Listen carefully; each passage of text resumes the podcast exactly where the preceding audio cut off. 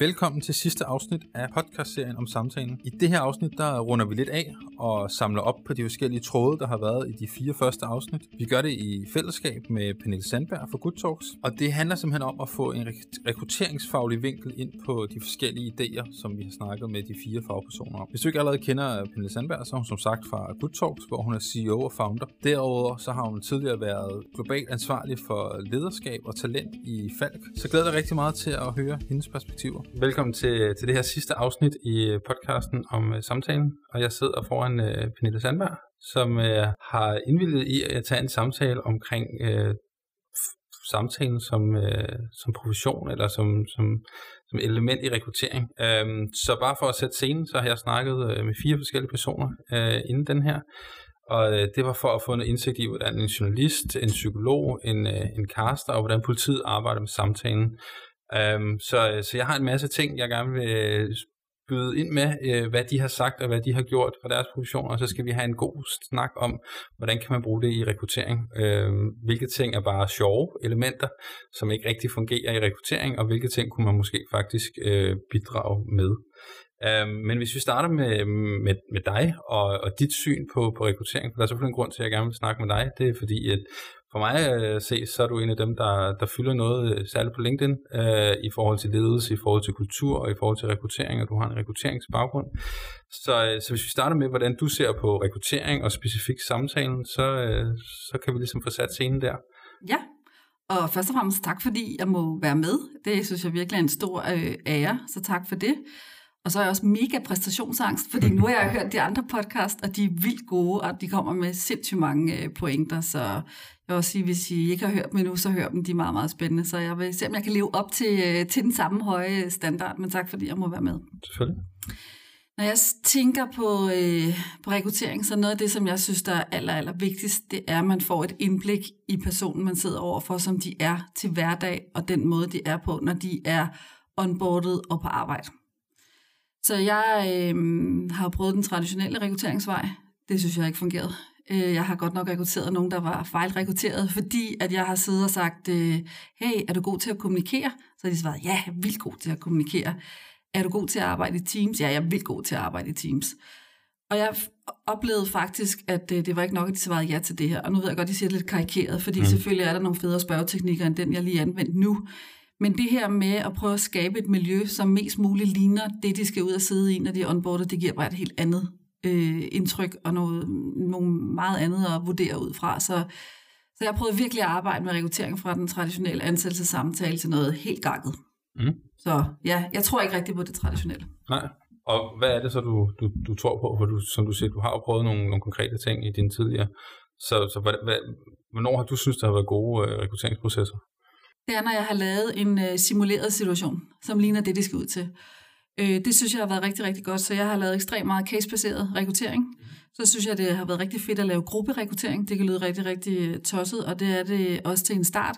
Men det her med at tage folk ind i grupper øh, og rekruttere i grupper, det giver rigtig meget, fordi det giver Udover at vi kan, vi kan teste på noget faglighed i det her casebaserede rekruttering, så det her med at have folk inde sammen med andre folk, siger rigtig meget om, hvordan er det, de agerer, hvordan er de sammen med andre mennesker. Plus at det giver en kæmpe mulighed for at involvere din øh, organisation i at være med til at beslutte, hvem er det, man skal, man skal ansætte. Og så giver det en kæmpe mulighed for at skabe et billede af, hvad er det for en organisation, de vælger at gå ind i. Fordi når man som kandidat eventuelt kommer ind og møder otte af sine kommende kolleger, så har man et klart indtryk af, at det her et sted, jeg kan lide at være, at det er en kultur, jeg synes, der er fed. Øhm, så ja, det er sådan nogle ting, jeg synes, der virkelig har gjort en forskel. Og så er det hurtigt. Det er hurtigt at ja. rekruttere gruppe. øh, vi har jo nogle gange i min tidligere tid haft 30 øh, kandidater igennem på en dag. Det er død effektivt. Det er mega fedt.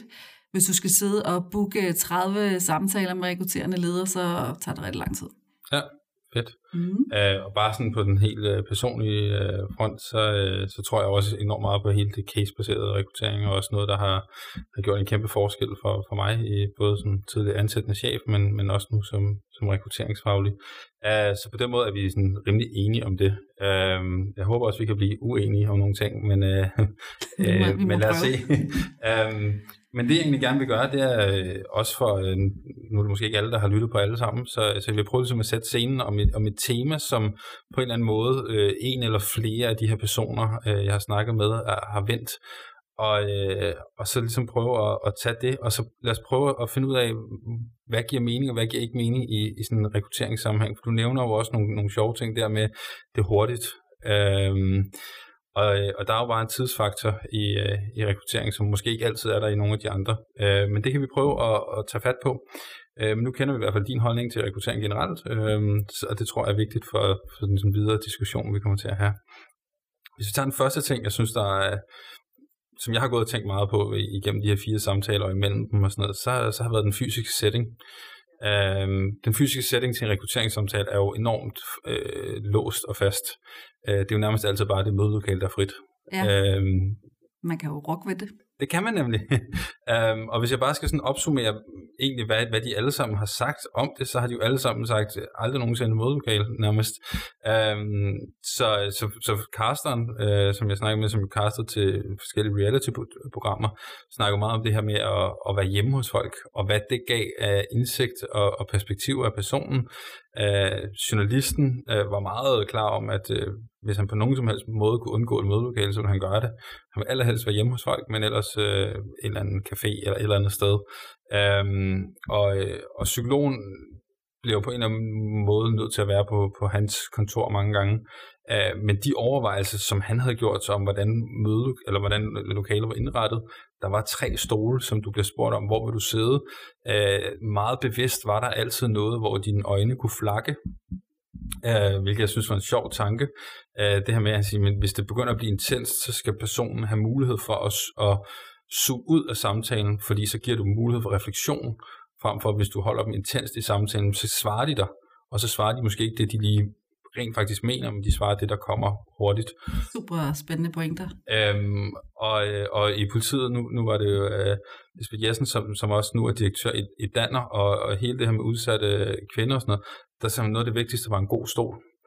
Um, så det er bare sådan et oprids af, at alle sammen har virkelig nogle holdninger til, hvilken stol du sidder i, hvilken setting det er, og, og hvordan bliver du afslappet.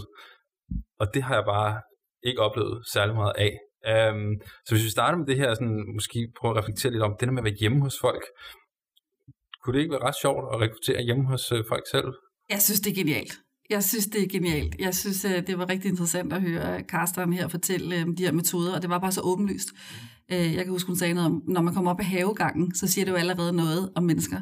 Og det er jeg simpelthen øh, så enig i, fordi al, alting er indtryk. Alting øh, siger noget. Om det vil være lidt intimiderende for kandidaten at blive øh, ringet op og sagt, at jeg kommer skulle lige hen til dig. Øh, måske, måske ikke. Måske det er det nye. Jeg synes faktisk, det kunne være ret sjovt at teste, hvis ja. man forklarede og sagde, prøv her, du er sikkert mere rolig, når du er hjemme hos dig selv, end når du kommer ind i en virksomhed. Jeg vil gerne give dig muligheden for enten, at vi gør det her eller hjemme hos dig. Hvad siger du til det? Man kunne prøve at lave det åbent. Jeg kunne godt finde på at eksperimentere med det. Jeg synes faktisk, det, jeg synes faktisk, det var en super cool pointe. Ja. Og hvad, hvilke overvejelser har du sådan gjort dig generelt set? Nu siger du også, at man kan ruske lidt ud, at man ja. behøver ikke bare at tage det, det ledige mødelokale. Nej. Øh, hvilke overvejelser har du generelt gjort dig om, sådan, hvordan settingen er? Den? Altså jeg tror, det starter helt med, når du henter folk i receptionen. Mm. Jeg tror, det starter med, hvordan er det, du modtager folk, når de øh, står dernede, fordi man er jo nervøs. Selvfølgelig er man det. Altså vi har jo alle sammen prøvet at være til en jobsamtale, man er nervøs. Så jeg, jeg kan godt finde på, sådan, når jeg henter folk, og så lave en eller anden... Øh, Altså for det første prøve at byde folk ordentligt velkommen. Øh, fandt du øh, parkering? Var det til? Øh, skal du lige ind på min jakke? Eller skal du lige låne toilettet, inden vi går i gang? Eller måske også bare lige lave sådan en trekantssamtale med receptionisten. Altså så der er jeg måske lige siger noget til receptionisten i en sød og kærlig tone, så kandidaten også opdager, at gud, jeg er lidt inde i sådan en magtposition, men hende, der henter mig, hun virker sgu egentlig til at være meget flink. Ja. Så sådan med det samme, man gør det og henter folk, så synes jeg, man skal prøve at sætte en rolig tone. Altså, vi er jo bare mennesker, og så tror jeg, hvis man ikke kan undgå det der mødelokale, hvilket kan være svært, når man laver i hvert fald gruppeassessment, som jeg har gjort, hvor jeg både har haft otte kandidater og otte fra virksomheden med ind over, så altså, vi har gjort meget ud af øh, sterinløs, øh, og det kan lyde mega banalt, ikke? men sterinløs, øh, chokolade, øh, vand, frugt øh, og så videre. Og, øhm, og det kan også lyde lidt gakket, men det her med, hvordan kandidaten kommer ind i et rum, tør de selv at tage en sodavand? eller byder man, og så er der nogen, der siger, nej, nej, jeg skal ikke have noget, jeg er hverken tørstig eller sulten, eller og man ved bare, når man sidder til en jobsamtale, så er man helt tør i munden, så selvfølgelig er man tørstig, så det er jo også et eller andet med, hvordan står man i sig selv? Altså tør man noget som banalt, som at sige ja tak til en dansk vand, for eksempel, ikke? Altså ja. det er jo indtryk det hele, men jeg tror, at det her med at skabe så afslappet en stemning øh, som muligt, og øh, jeg kan faktisk godt finde på sådan nogle gange lidt sådan helt fysisk at glide ned i stolen, fordi det her med, at der er noget med højde, og hvordan man ligesom øh, sidder. Så hvis jeg nogle gange lige skal gøre de andre sådan lidt komfortable, så kan jeg godt finde på at gøre mig selv mindre, hvis det mm. giver mening. Ja, sindssygt interessant det her med, hvordan man ja, som interviewer og som en eller anden magtrelation jo også øh, påvirker det. Øh, og, og det var virkelig også noget af det, som blandt Carsten også snakker om, det her med, øh, jeg kan hun siger, øh, hvis hun sidder over for en med, med et meget stort ego, så kunne hun finde på at udfordre øh, og ligesom være meget bevidst om ens rolle i forhold til, hvem er det, jeg sidder overfor, og det er virkelig også noget, som, som vi snakker om i, i psykologien, øh, også meget bevidst om, hvad er det for en type, jeg sidder overfor. Så det er jo egentlig meget sjovt, det der, hvordan, det, selvfølgelig er man jo underbevidst bevidst om det, på, altså sådan, man ja. reagerer selvfølgelig efter, ja. hvad man sidder overfor, men det er ikke noget, jeg har sådan hørt så meget om i rekruttering, at man egentlig sådan er meget bevidst om, hvem man sidder overfor, og sådan, ja. hvordan man selv påvirker andre. Jeg tror heller ikke, altså jeg, jeg tror ikke, det er noget, vi taler om. Mm. Øh, og det er jo egentlig fjollet, at vi ikke lige får sat noget der på formel. Øh, for jeg tror, det er rigtig vigtigt. Jeg tror, det er, jeg tror, mange af os, der sidder med HR, måske også er gode til at afkode mennesker. Jeg, jeg, jeg tror, at jeg ret hurtigt nede i receptionen kan afkode, okay, hvor stort et ego er vi med mm. at gøre, og hvornår skal jeg teste, hvornår skal jeg øh, bare læne mig tilbage i det, hvad er det, jeg skal gøre her. Så jeg vil sige, den der, men det førstehåndsindtryk, synes jeg bare altid er vigtigt. Mm. Øhm, og nogle gange er vi også to, der rekrutterer, så jeg kan også starte med at lave en joke med den anden, der rekrutterer, så man også lige får løsnet øh, stemningen. Og så vil jeg sige øh, noget andet, som er rigtig vigtigt. Øh, hvad har man? 5-6 til samtale på en stilling, så er der altså en fem stykker, der går ud af døren og ikke får jobbet. Mm. Så er rigtig, rigtig vigtigt, hvad er det for et, altså, hvad er det for en, et indtryk, du har gjort af virksomheden, fordi det kan være, at de gerne vil søge et andet job, eller fortælle mm. andre om, det er et fedt sted at være. Så selvom man er i en magtposition, så lad være med at bruge den øh, på, en, på en dårlig måde. Øhm, jeg har brugt min magtposition nogle gange, når jeg skulle teste folk, fordi jeg har rekrutteret folk på alle niveauer, og der er også nogle niveauer, hvor man virkelig skal kunne tåle at blive udfordret. Så jeg siger ikke, altså jeg synes heller ikke, øh, det er jo ikke bare fordi, det skal være sådan sukkersødt det hele, man må gerne udfordre øh, kandidaterne, men man skal bare være ordentlig. Mm, det er god mening. Øhm, og nu kom du så også ind på en af de ting, som, som jeg også synes er sindssygt interessant, som vil ikke sige, at jeg ikke har hørt om det i rekrutteringsprogrammet, men man om, hvordan man modtager folk. Øh, men jeg synes stadigvæk, der har været en større i talesættelse øh, i, i nogle af de andre, og øh, det her med, at, at det er personen selv, og hvis jeg sådan zoomer tilbage på, det, jeg selv blev ansættende chef, og, og skulle til at køre hele rekrutteringsshowet som, som ansættende chef, så var det ikke noget, jeg nogensinde var bevidst om. Der er aldrig nogen, der har fortalt mig, at det giver måske mening, det er dig, der kommer i stedet for. I stedet for endte det jo med, at jeg kom i, jeg havde jakkesæt på i, i det job, øh, og kom til det sidste øjeblik og, og fik virkelig skabt altså alle stereotyper om, om magt, øh, ja. fik jeg sat i scene på et meget kort tid. Yes. Uh, så vi kørende. Ja, præcis, og det er jo helt forfærdeligt at tænke tilbage på, men, ja. men det gjorde jeg nu engang. Ja. Øhm, så, så det er jo egentlig ret, altså, ja, det er jo tit HR, der, der, der henter folk. Ja. Altså, burde man ikke? Det er fjollet. Ja. Øh, fordi jeg vil sige, øh, som rekrutterende leder, det er jo de her, altså, det er jo de her mennesker, du skal have med på din strategi, og skal udføre din strategi og være udførende. Øhm, jeg, altså, jeg vil klart hen selv, fordi som sagt, alle indtryk er vigtige. Øh, jeg synes, noget, der kan være sjovt at holde lidt øje med også, det er, hvad tid kommer folk. Mm. Øh, jeg, det ligger jeg meget vægt øh, på. Jeg kan bedst lide, når folk kommer 10 minutter før. Jeg kan ikke lide, når de kommer 45 minutter før, øh, fordi det bevidner måske noget usikkerhed. Jeg kan heller ikke lide, når de kommer 30 sekunder før. Så i virkeligheden, alt, alt, hele sætningen omkring, hvad der skal foregå, øh, er jo et indtryk. Så jeg vil helt klart øh, selv være den, der er hentet. Også fordi, jeg synes også, det giver kandidaten en følelse af vigtighed. Altså, du vil ikke bare lige fløjet ind af en øh, HR-dame, du aldrig skal se mere af din uh, ansættelsesforløb, men det er faktisk ham eller hende, du skal arbejde sammen med hver dag, som synes, det er vigtigt nok til selv at gå ned og hente. Mm. Altså, fordi du sådan lidt kommer ind i en mødelokale, sådan lidt, bum, så sidder du der, ikke? Ja. Øh, hvis du går ned og henter selv, så kan du snakke på vej op ad trappen og spørge, hey, altså stille, stille nogle dagligdags spørgsmål, så paraderne kommer lidt ned. Ja, ja det, er, det er super god mening. Uh, og i virkeligheden det der med, med small talken, det var nok man kan sige, og der bliver det også interessant med magtbalance, men journalisten snakkede meget om, man siger, der var også øh, måske færre interviews, i hvert fald han arbejdede meget på portrætter, så han havde jo lang tids research op til en samtale og til ja. et interview, men, men snakkede meget om, altså var meget bevidst om, at have noget, kan man sige, ammunition, noget small talk, som kunne prøve at udjævne magtbalancen. Og det, ja der er magtbalancen måske en lille smule anderledes, fordi at han interviewede med medievandte folk, så han skulle vise, at hey, jeg er ikke bare en, en, endnu en journalist, der ikke ved noget om det, øh, du, du gør. Så hvis det var sportsudøver, så ville han vide noget om, hvad, hvordan havde de performet senest, ja. eller øh, en skuespiller med deres seneste film, eller hvad. Altså, så han vidste ligesom et eller andet aktualitet, han kunne komme med. Ja. Øhm, så, så på den måde var small talk klart der, hvor jeg har hørt det mest aktivt øh, mm, brugt. Ja. Og jeg kunne ikke med sådan at tænke, og, og hele det her bias at sige, rekruttering er også meget op, op i tiden, øh, en god grund. Øhm, når, jeg, når der kommer en person, og jeg har set CV'et, og jeg kan se en klar relation, lad os sige, øh, nu har jeg selv været i Kenya i lang tid, hvis der er en, der har været i Kenya, og de har skrevet på CV, så siger jeg det. Jeg starter ud med sådan, nej, jeg har også været i Kenya, bare for at skabe den relation. Øhm, så i virkeligheden så kan, har jeg taget mig selv i sådan, måske burde jeg være mere aktiv i altid at skabe en relation, så jeg altid har to-tre punkter til smalltalken, hvis jeg selv henter, så kan jeg snakke om det, fordi jeg undgår vel også, altså sådan, dem jeg så ikke har en relation til umiddelbart, dem skaber jeg så heller ikke den samme relation til, det vil sige, at jeg skaber en dårligere samtale, det vil sige, jeg forstærker i virkeligheden min egen bias. Ja. Uh, så at, burde vi egentlig ikke sådan, burde den rekrutterende chef ikke selv hente og have undersøgt jo. nogle smalltalk-emner? Og du har jo en hel liste af smalltalk-evner. Som journalisten, der laver research, du har et helt CV, du har en Præcis. hel ansøgning. Øh, jeg vil ved med, at ud af de steder, folk har været, kender du en eller anden, der har været der, eller når jeg kan se, at du bor i Hundested, der var vi engang på ferie, whatever it is. Altså det ja. er noget med at, at udligne den her magtbalance, og også ligesom viskandidaten, jeg er også et menneske. Altså folk skriver også tit, hvad de laver i deres fritid, altså det kunne man jo spørge et til. Øh, jeg synes, det er meget nemt at, at finde punkter.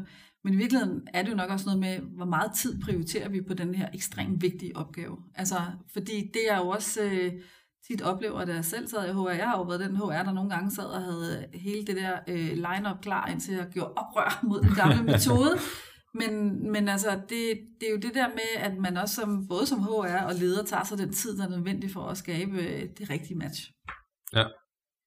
Og, og i virkeligheden det her med, nu ser du selv det der med, at man, man har legnet det hele op, øh, kommer også meget godt ind i sådan, hvordan sikrer man egentlig den der nysgerrighed? Nu kan man sige, nu valgte du så bare at ændre strukturen helt, så det er måske svaret på det. Men hvordan har du ligesom fastholdt en, en nysgerrighed, en interesse i hvert enkelt menneske, og ikke som jeg har hørt efterhånden rigtig mange fra rekrutteringsverdenen sige, nogle gange glemmer jeg lidt, altså jeg kan ikke lige huske, hvilken stilling nærmest, når jeg går ind ja. i samtalen. Ja. Hvordan fastholder man den der nysgerrighed? Altså jeg tror, en af årsagerne til, at jeg lavede det om, det var fordi, vi rekrutterede forkert. Det var ineffektivt. Men det var gud hjælp mig også, fordi jeg var ved at kede mig ihjel med alle de her mm. ansættelsessamtaler. Bare for at være helt ærlig, ikke også? Så jeg tænkte også, okay, jeg var ved at kede mig ihjel, og så når en rekruttering gik galt, så var det altid HR's skyld. Ja, ah, det var også en dårlig rekruttering. Mm. Mm, der var ikke nogen gode kandidater. Så jeg tænkte også, være, det skal simpelthen, det, nu skal det være nok med det.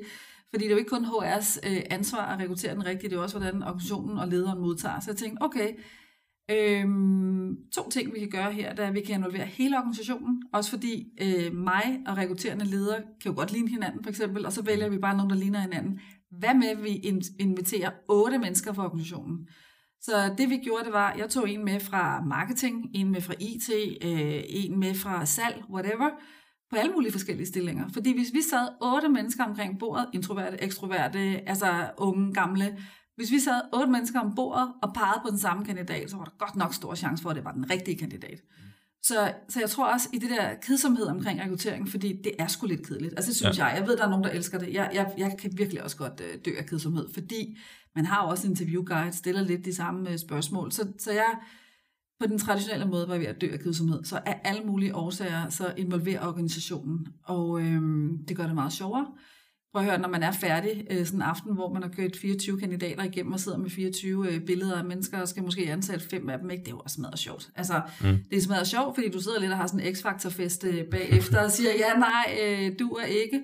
Og plus, det, er jo sådan en, det bliver lidt sådan en teambuilding-øvelse for hele organisationen, og folk møder hinanden på kryds og tværs. Og, øhm, og noget vi faktisk også endte med at bruge det, da jeg især gjorde det med tid i fald, det, vi brugte det faktisk også til sådan øh, til, til, til lederspots. Altså fordi hvis du sidder i sådan et rekrutteringspanel, og jeg hører sådan et ledertalent sige, sådan velargumenteret sige, at jeg tror ikke, at den her kandidat er god, fordi jeg oplever 1, 2, 3, 4. Hvis man har den evne og indsigt og lyst til at lære noget om mennesker, så er man måske også et ledertalent. Ja. Øh, så, så altså jeg vil, hvis jeg begyndte, hvis jeg sad og var rekrutterende HR og kede mig, så lav det om. Altså helt ærligt, lav det om. Og jeg vil også sige, øh, de nye generationer, de synes altså, det er også sjovt, når det er lavet lidt om. Ikke? Altså, så, så bare eksperimentere med det, begynd at gøre noget, øh, gøre noget anderledes. Og måske den sidste pointe, jeg har med at gøre det, øh, jeg siger ikke min er lyksaligt, men, øh, men noget af det, vi også oplevede, som var fedt, det var, når vi havde otte fra organisationen med inden at tage den her beslutning, ikke? så blev det deres ansvar, at det her var en rigtig rekruttering. Så det vil sige, når den her nye medarbejder troppede op første dag, ikke? der var så fire mennesker, der sprang op af stolen og sagde, Gud, hej, hvor er det fedt, du er der. Har du en frokostaftale, eller skal du gå med mig? Øh, skal jeg lige vise dig, hvor kaffemaskinen er, og så videre. Så hele den der inkluderende måde at modtage nye medarbejdere på var fantastisk. Det sidste, folk er jo halvt onboardet, når de har været igennem sådan et rekrutteringsforløb hvor de møder otte for organisationen, hører noget om, det mærker den der vibe. Øhm, så på den måde er man nået rigtig, rigtig øh, langt, og de er meget hurtigere i produktion, kan man sige, ja. øhm, når de ligesom har været igennem sådan et, et forløb. Ja, og hvor meget egentlig sådan bare øh, sådan helt rekrutteringsfagligt, hvor meget fylder samtalen egentlig, sådan, når du siger, det, det er meget casebaseret og sådan noget, hvor, hvor meget fylder en, en, altså har I regulære jobsamtaler med hver en? Eller, ja, ja, det har vi. Vi gjorde altid det, at øh, vi tog dem ind, så lavede vi sådan en icebreaker-øvelse. Fordi det er rart. Altså det er enormt mærkeligt at møde op i receptionen og kigge på syv modkandidater. Det er en funky, funky uh, setting at være i. Ikke? Så at tale om det der med at lave en loose stemning, der skal du virkelig arbejde på det. Så der havde vi, der, jeg trænede faktisk det her panel af otte øh, medarbejdere til at sige, godt, hvordan er det, vi laver den her loose stemning? Det kan man gøre på den her måde, den her måde, den her måde eller den her måde. Ikke? Øh, men udover det, så lavede vi sådan en, øh, en icebreaker-øvelse. Altså, og en vi brugte rigtig tit. Vi kastede sådan 50 øh, billedkort øh, på jorden, og så bad vi folk om at rejse sig fysisk. Det der med faktisk også lige at bevæge sig, det breaker også lige, øh, det breaker også lige lidt det der med, at man sidder i den der stive, øh, mm. her sidder jeg free skide bange. Ikke? Men så bad vi dem faktisk over at tage sådan et kort og sige, tag et kort, der beskriver en god arbejdsdag for dig. Og så, du ved, så kommer de ind med en blå delfin og fyrer et eller andet af. Og, altså, men så, så er der lidt sjov omkring det. Så griner vi alle sammen lidt af de der sjove ja. historier. Og så er, så er stemningen sådan lige, øh, lige lidt bedre. Og ved du hvad, jeg sidder her og rammer, hvad var du spurgte om? Undskyld. Øh, det var egentlig bare, hvor meget samtalen øh, yes, samtalen fylder. Ja, så, så det brugte vi noget tid på, og så brugte vi noget tid på, øh, og det er også rigtig rart at forklare om virksomheden. Og når du har otte kandidater i gangen, så er det en gang, du forklarer om virksomheden og jobbet, og ikke otte gange, du gør det. Virkelig også befriende. Ikke? Mm. Og så kunne vi finde på at lave en individuel øvelse, hvor alle sidder bare og løser et eller andet, som relaterer sig op til opgaven. Så samlede vi løsningen ind. Så bad vi måske nogle gange folk om at lave nøjagtigt den samme øvelse, men delte det her hold op i to, så de sad i gruppe af, af fire hver og løste den samme øvelse. Der var vi skide lige glade med resultatet af øvelsen, men vi sad jo så og kiggede på, hvordan arbejder de sammen. Øh, hiver de hinanden ind? Øh, hvordan gør det? Så der kiggede vi meget på adfærd. Så sluttede vi altid af med en individuel samtale, og den var maks mellem 20 til 30 minutters øh, varighed. Øhm, og vi kunne endda også godt finde på at lave øvelser inde i selve samtalen. Men jeg synes, når man laver det her gakket, folk skal altid have lov til at have en individuel samtale, fordi det er trods alt øh, det, er, det, der er det hvad skal man sige, mest konforme og mest normale, og det synes jeg også er fair, at man får lov til at lige at være sig selv og vise noget af sig selv, uden at der sidder modkandidater og en masse andre kigger. Så en 20, 20 minutter til en, til en halv time. Vi kørte de assessment-forløb af omkring tre timer øh, for sådan et hold der på. Mm.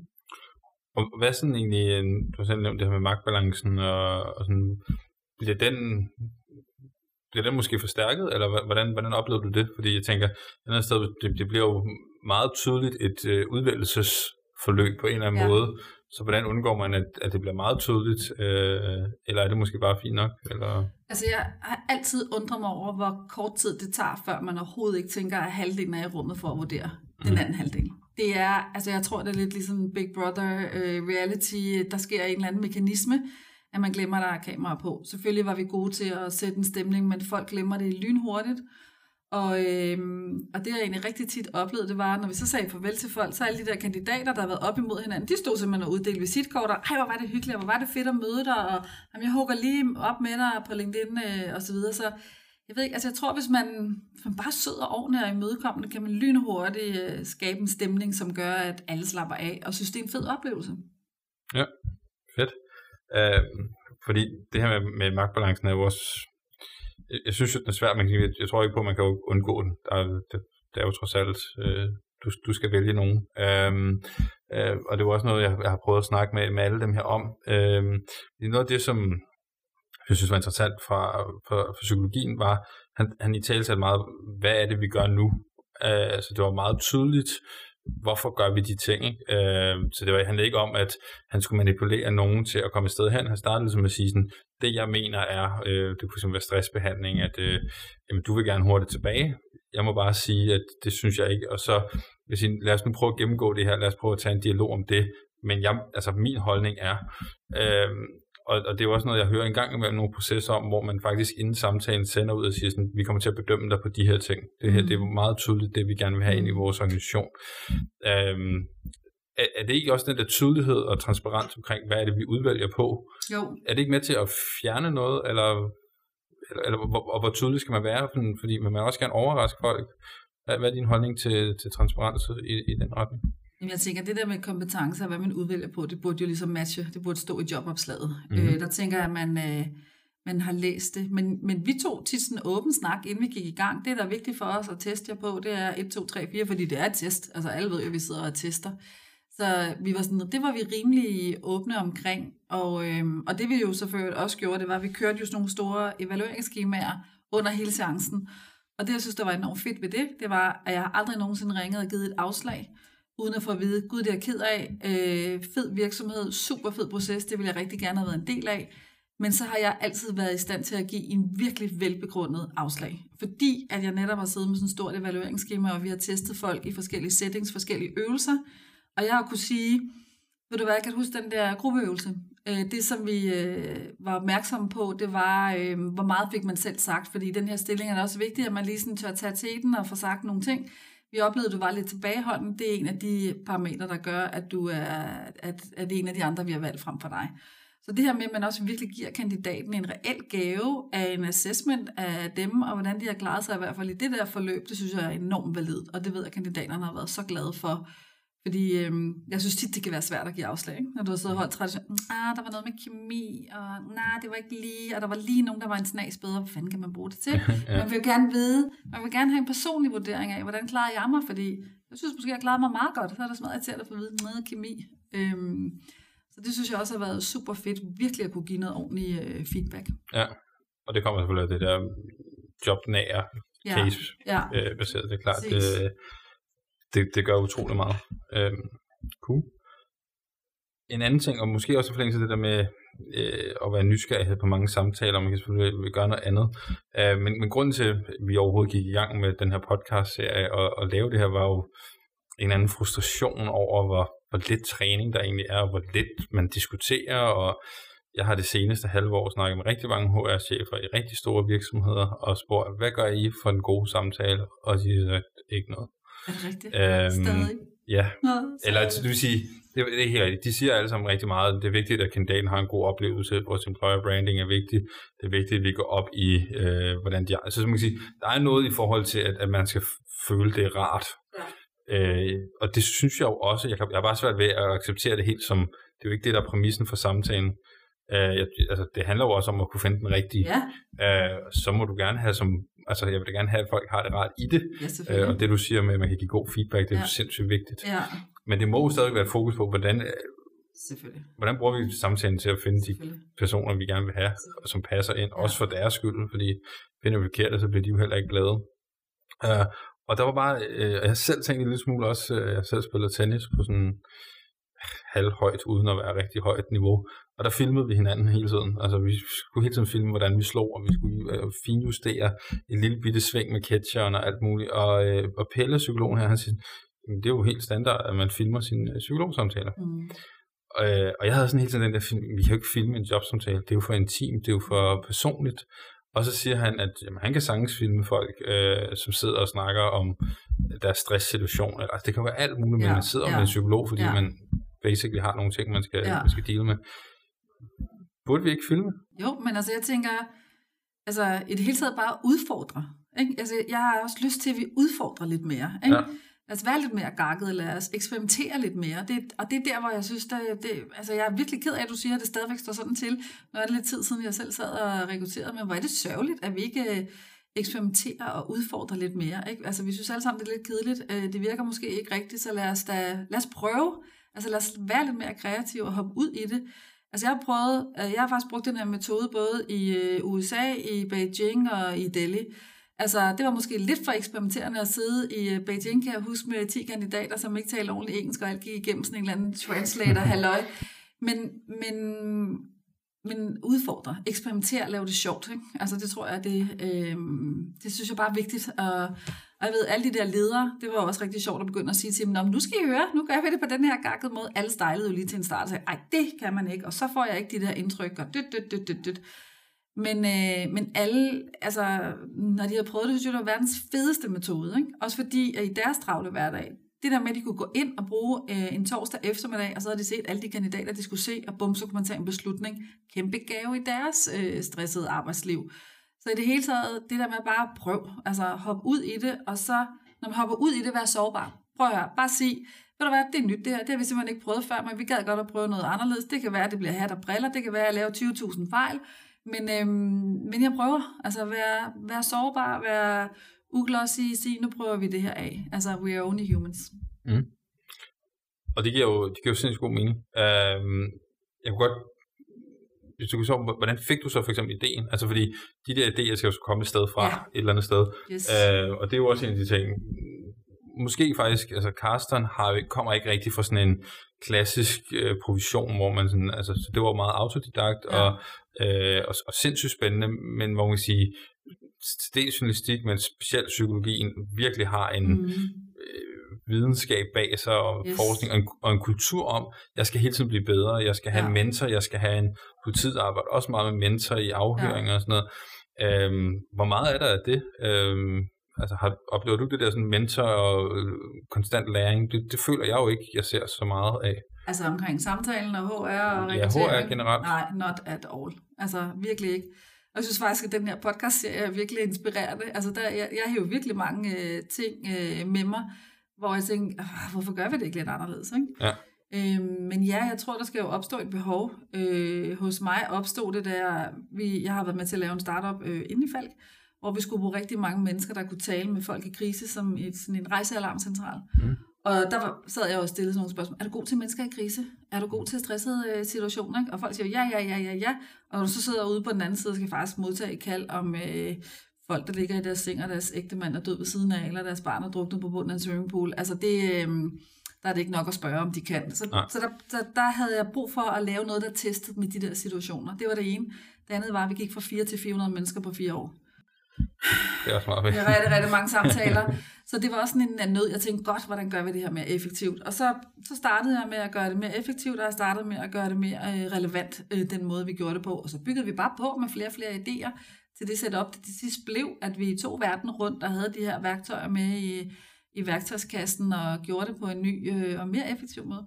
Og sjovere måde, og federe måde, og bedre kandidater måde. Så og jeg kan godt forstå, det setup, vi lavede, det, det var jo stort til sidst, og det kræver nok meget tilvænding, men bare start med et eller andet. Altså, ja. hvis man gik en tur med kandidaten? Altså, hvad, hvad vil der så ske? Ikke? Altså, start med noget. Start med at tænke på, hvornår, altså jeg tror også bare, man skal tage udgangspunkt i sig selv. Hvornår synes jeg, jeg har en fed og værdifuld samtale? Hmm, hvordan er setting for mig? Måske er det at gå en tur, måske er det... Jeg, altså, ved ikke, altså tænk på, hvad man selv vil synes var fedt. Hvis mm. man prøver at sætte sig i kandidaten sted og sige, næste gang jeg skal til samtale, så kan jeg godt det indeholdt nogle andre elementer. Hvordan gør vi det hos os? Så bare prøv, gå i gang, eksperimenter. Og hvad så, fordi jeg, jeg synes, du kommer meget godt omkring det også, du siger sådan, det er jo også vigtigt, at vi kan gå til kandidaterne, hvis, ja. hvis det er en stilling, og nu siger du det her med, det er jo bare noget specielt at skulle tage et opkald, du ikke er forberedt på, og så mm. er der en, der mm. skal fortælle, at min mand eller mm. kone er lige død. Ja. Øhm, er, der, er der ikke en risiko for, at hvis vi, hvis vi går totalt gakket, så går vi en tur, og så på den her tur, så spørger jeg, Hvordan, hvordan dealer du med rigtig svære samtaler, eller på en eller anden måde? Og så det vil jeg heller ikke gøre til sådan noget. Det vi gjorde, det var, at vi lavede en totalt simuleret situation. Det vi gjorde, det var, at vi gav kandidaten, okay, hvis du sidder ude i alarmcentralen og skal tage det her kald, så har du den her bunke af informationer. Øh, det kald, der kommer ind, øh, det skal du kunne svare med den bunke af informationer, du har her. Og så lejede vi simpelthen alarmcentralen. Så sidder kandidaten og siger, Nå, men nu ringer jeg til dig. Ring! Og så tager kandidaten telefonen og siger, hallo, det er Falk. Og så, så begyndte vi at stille nogle spørgsmål, som kandidaten så burde kunne svare på ud fra de informationer, vi har givet. Så vi lavede en total simuleret situation på det job, de skulle ud og løfte. Så vi havde forskellige assessmentpakker. Jeg har også rekrutteret landechefer. Ikke? Da vi sad op, øh, jeg skulle rekruttere en landeschef til Stockholm, så var det selvfølgelig nogle helt andre opgaver, men de var fuldstændig nære på det, den opgave vedkommende skulle udføre, som for eksempel var, at de havde et meget stort kommersielt ansvar, og de havde ansvaret omkring organisationen. Så lavede jeg nogle assessmentøvelser omkring det kommersielle ansvar. Godt, Øh, her er 10 slides om virksomheden. Du kan finde information på hjemmesiden, og her er lige øh, whatever, et eller andet mere info. Kom ind.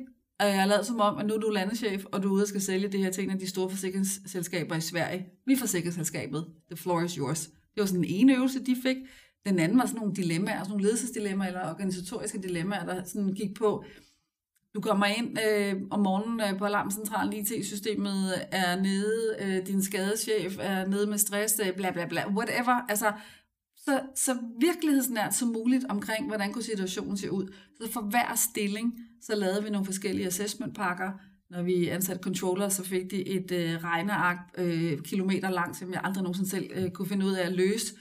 Øh, men så var det det, vi assessede dem på. Og det er virkelig ikke svært. Altså det er virkelig at spørge rekrutterende ledere, kære leder, nu får du den her medarbejder lige om lidt. Når de er onboardet, hvad skal de så lave?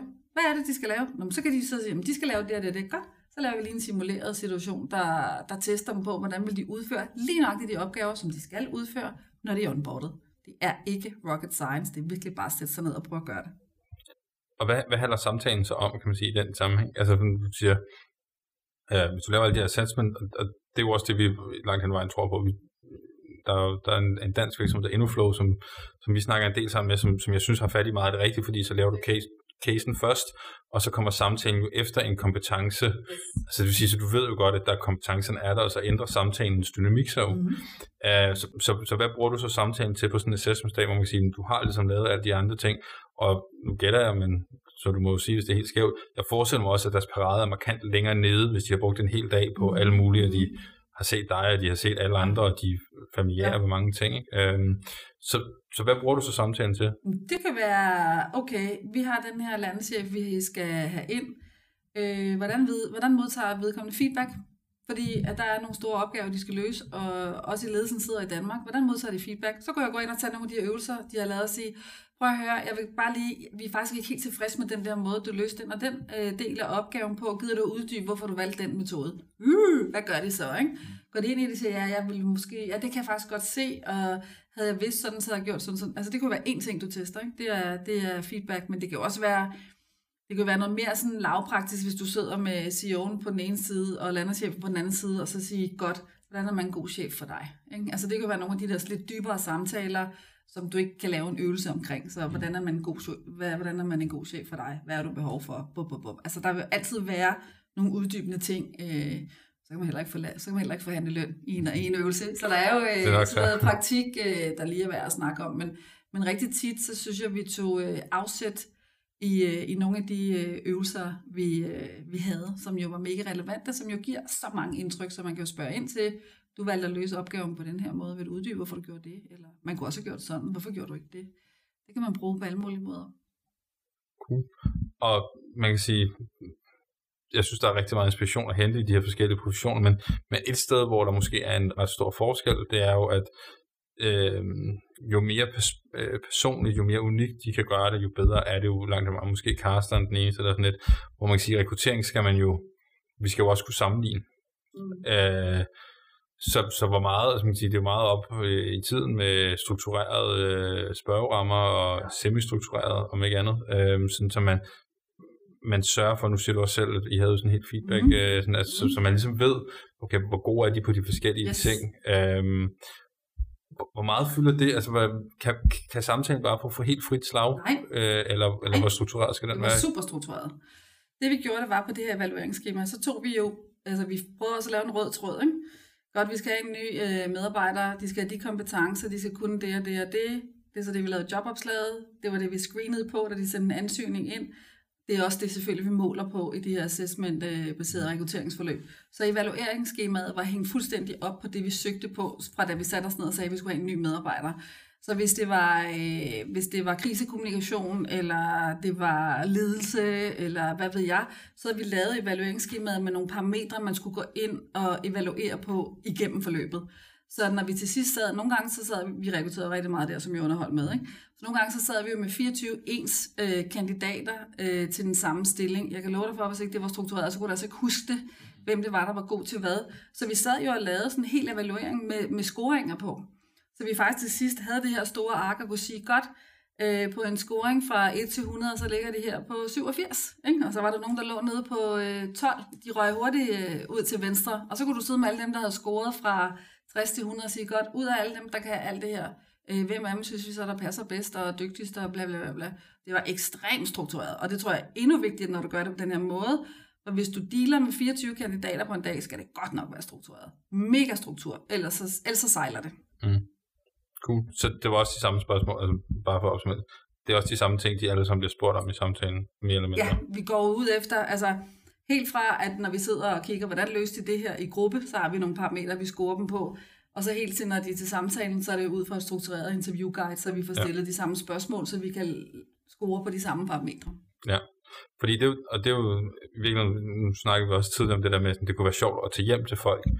Øh, og selvfølgelig kan man sige, du kan være hjemme hos alle sammen, øh, og det kunne være sjovt, men, men der bryder man vel på en eller anden måde også, altså selvfølgelig er det det samme, man gør med alle, men det bliver meget sat op i deres setting. Ja. Så, så spørgsmålet er også om, hvor, hvor gakket kan man så blive? Altså sådan, det er den der balance, med, hvor gakket kan man blive samtidig med, at man gerne vil kunne sammenligne. Det, ja. det er måske der, hvor jeg bliver sådan, hvor meget af det her er bare sjove tanker, og hvor meget af det skulle man egentlig teste af? Hvor, ja. hvor tror du den?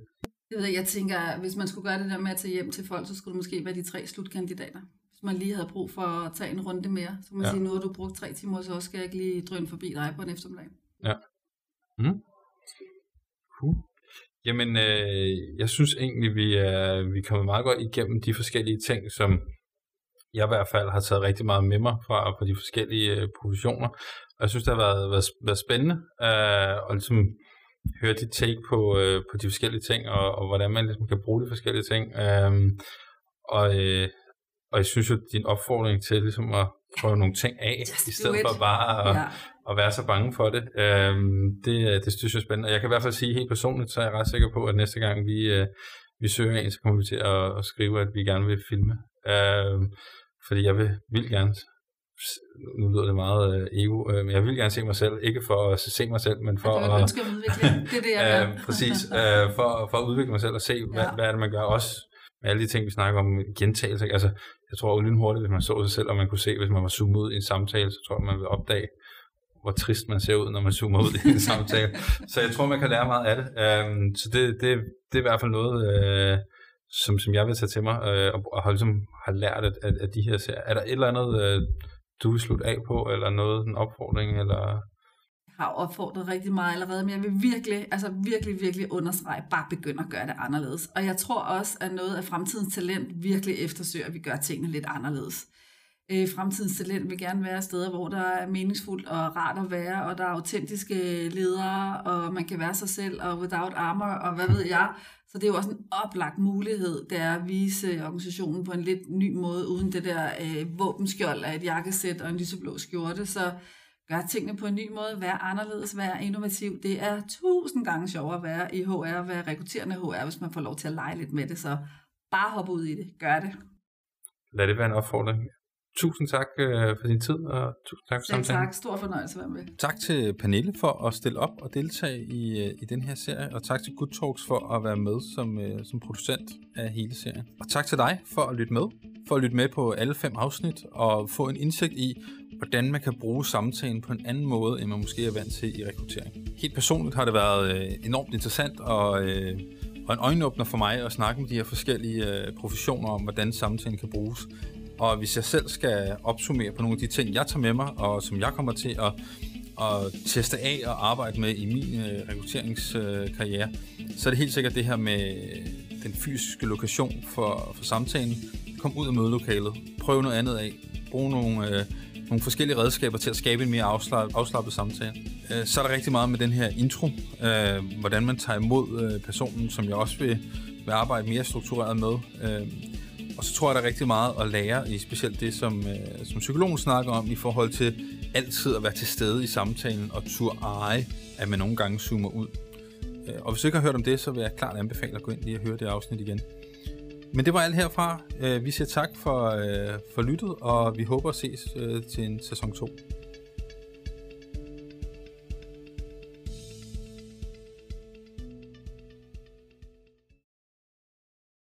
Have been fed, that's a fact. I have been fed, that's a fact. My credit card purchases get me cash back. My credit card purchases give me cash back. No one else gets these rewards. Sergeant, that is just plain untrue. What in tarnation? Sir, PenFed's Paracash Rewards Card isn't just for military members. Anyone can get cash back on all purchases. Ah, Figgins, you've ruined my favorite song. PenFed Credit Union. Visit penfed.org slash powercash. To receive any advertised product, you must become a member of PenFed, insured by NCUA. We begin today's meditation with a few sipping exercises to remind us a little treat can go a long way. So pick up your McCafe iced coffees, close your eyes, and deep sip in. And deep satisfaction out. Ah. Take a treat retreat at McDonald's. Right now, get a McCafe iced coffee in any size and any flavor for just 99 cents until 11 a.m. Price of participation may vary.